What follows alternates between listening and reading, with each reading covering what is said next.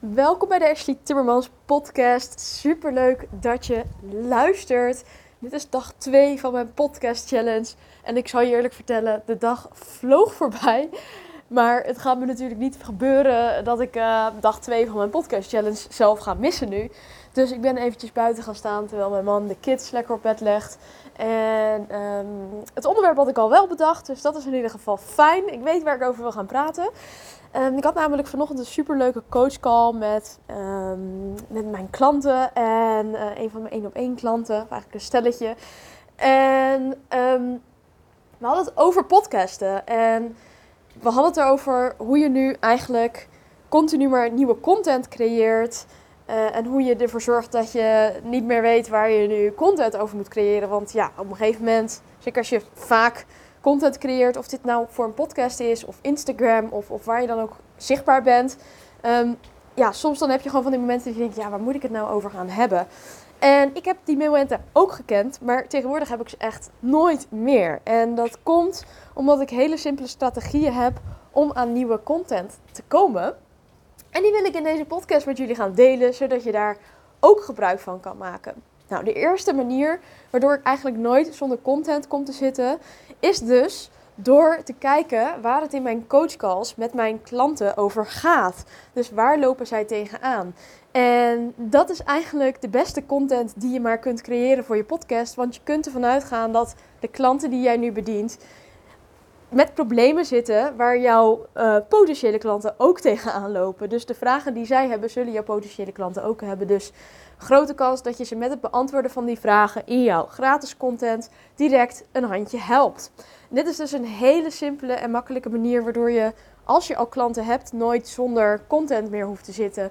Zorg wel dat je iets kleins eruit haalt. Net zoals, weet je, ik ga nu niet de hele coachcall herhalen, maar ik pak iets kleins uit. En een paar podcasts geleden um, nam ik een podcast op over uh, de salespage waar ik naar gekeken had. En dat is dus één onderwerp, weet je. Ik behandel wel de hele salespage, maar het is niet dat ik gelijk de hele site en het hele businessplan opnieuw ga herschrijven in één podcast. Dus hou het klein.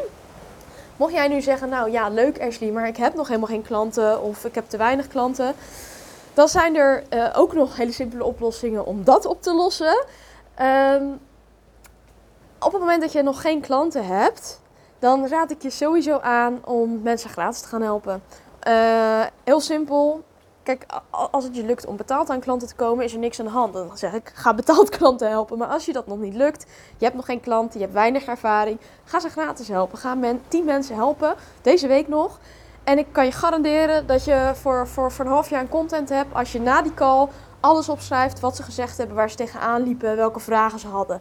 Dus in plaats van dat je het ziet als, ja, maar ik kan toch niet gratis gaan helpen? Nee, dat kan je dus wel, want het is een win-win situatie. Jij helpt iemand ermee, je laat je expertise zien. Misschien worden ze zelfs wel klant voor je grotere traject.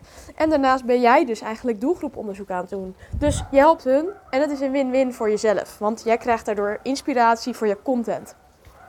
Ook op mijn sales calls of op mijn gratis inspiratiesessies hou ik heel veel uh, nieuwe content die ik weer kan gebruiken. De, de honden van de buren gaan hier eh, even los. Um, dus dat is mijn eerste tip om aan content te komen. De tweede tip, waarbij uh, je niet per se naar buiten hoeft te treden en in contact hoeft te komen met mensen, Um, is door te kijken welk proces jij zelf doorgegaan bent. Dus wat zijn de dingen waar jij zelf tegenaan liep toen je aan de start stond en in de schoenen stond waar jouw klant nu stond? Welke kennis heb je allemaal tot je genomen? Maar misschien ben je wel een opleiding aan het volgen. Heb ik ook al een tip gegeven laatst aan, aan iemand uh, in een call. Uh, die was nog een opleiding aan het volgen. En uh, nou ja, ze twijfelde over of ze bij mij zou instappen. Maar ze was heel druk met een opleiding. Dus ik heb haar uh, het advies gegeven om niet in te stappen nu. Eerst de opleiding af te ronden. Uh, maar wat ik wel als advies gegeven heb, is: joh, ga content delen. Weet je, als je op een laagdrempelige manier wilt gaan delen waar je mee bezig bent. En alvast een following opbouwen met potentiële klanten daarin. Deel wat jij nu momenteel leert in je opleiding. En dat is ook weer een win-win. Win, win-win-win. Want Eén, je bent ondertussen de content van je opleiding meer tot je aan nemen, doordat je het in je eigen woorden moet gaan vertalen naar de buitenwereld. En voor mij werkte dat altijd heel goed, ook tijdens mijn studie al, om mijn content eigen te maken door het weer aan iemand anders te moeten uitleggen. Twee, help je anderen ermee. En drie, bouw je dus een following op. Dus je, je hebt aan alle kanten een win op deze manier. En zo kun je natuurlijk ook, als je geen opleiding volgt, kun je kijken naar, ehm, naar je eigen proces. Waar zit jij in? Uh, of waar heb jij in gezeten? Ehm, wat, wat jouw klanten of jouw potentiële klanten fijn zouden vinden om te horen. Dat is een andere. Hola.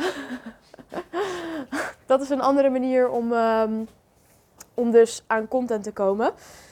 En uh, tip 3. Moet ik even graven. Ik ben afgeleid door de, door de Spaanse buurman die hier, hier met zijn blaffende honden binnenkomt uh, lopen.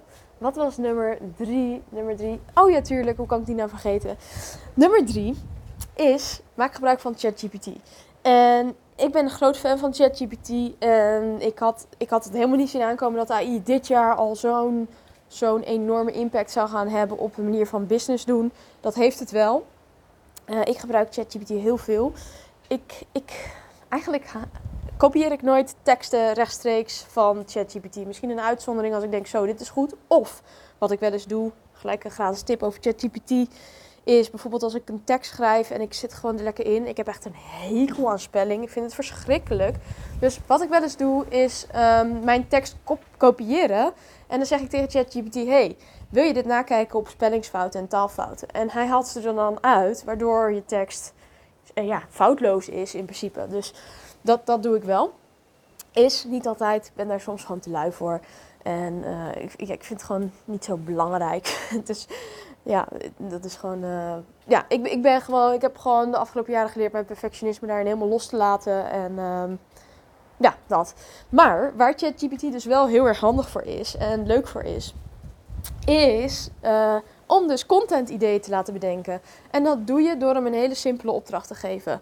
Je vertelt ChatGPT in de prompt, dat is de, het, het bericht wat je typt, vertel je um, ChatGPT: hey, ik ben een life coach. Ik help jouw doelgroep, die omschrijf je daar. Dus ik help jonge vrouwen tussen de 20 en 40. Ehm, die vastlopen in hun leven, net afgestudeerd zijn met het hervinden van hun missie en passie en het creëren van onwijs veel zelfvertrouwen, waardoor ze het mooiste leven kunnen gaan leiden wat ze moeten gaan leiden. Ik heb een podcast en ik wil ze graag inspireren. Heb jij voor mij een lijst van 10, 20, 30, 40, 50, 100 onderwerpen waar ik het over kan hebben?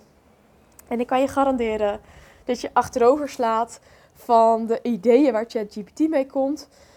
En als je dus al een, een contentblok hebt, of een writersblok zoals ze hem noemen, um, dan lost dat bij deze echt helemaal op. En dit is waar ik ChatGPT heel veel voor gebruik. Niet omdat ik zelf geen idee heb, maar omdat ik het ook gewoon super fijn vind om gebruik te maken van de tools die er zijn, zoals ChatGPT. En dat wat hij als output geeft op dit soort vragen vind ik gewoon heel waardevol. Um, ja, om weer toe te passen in mijn business. Dus laat me weten als je er gebruik van maakt. Hoe, hoe dat voor jou is geweest om ChatGPT te gebruiken en of je er wat aan hebt.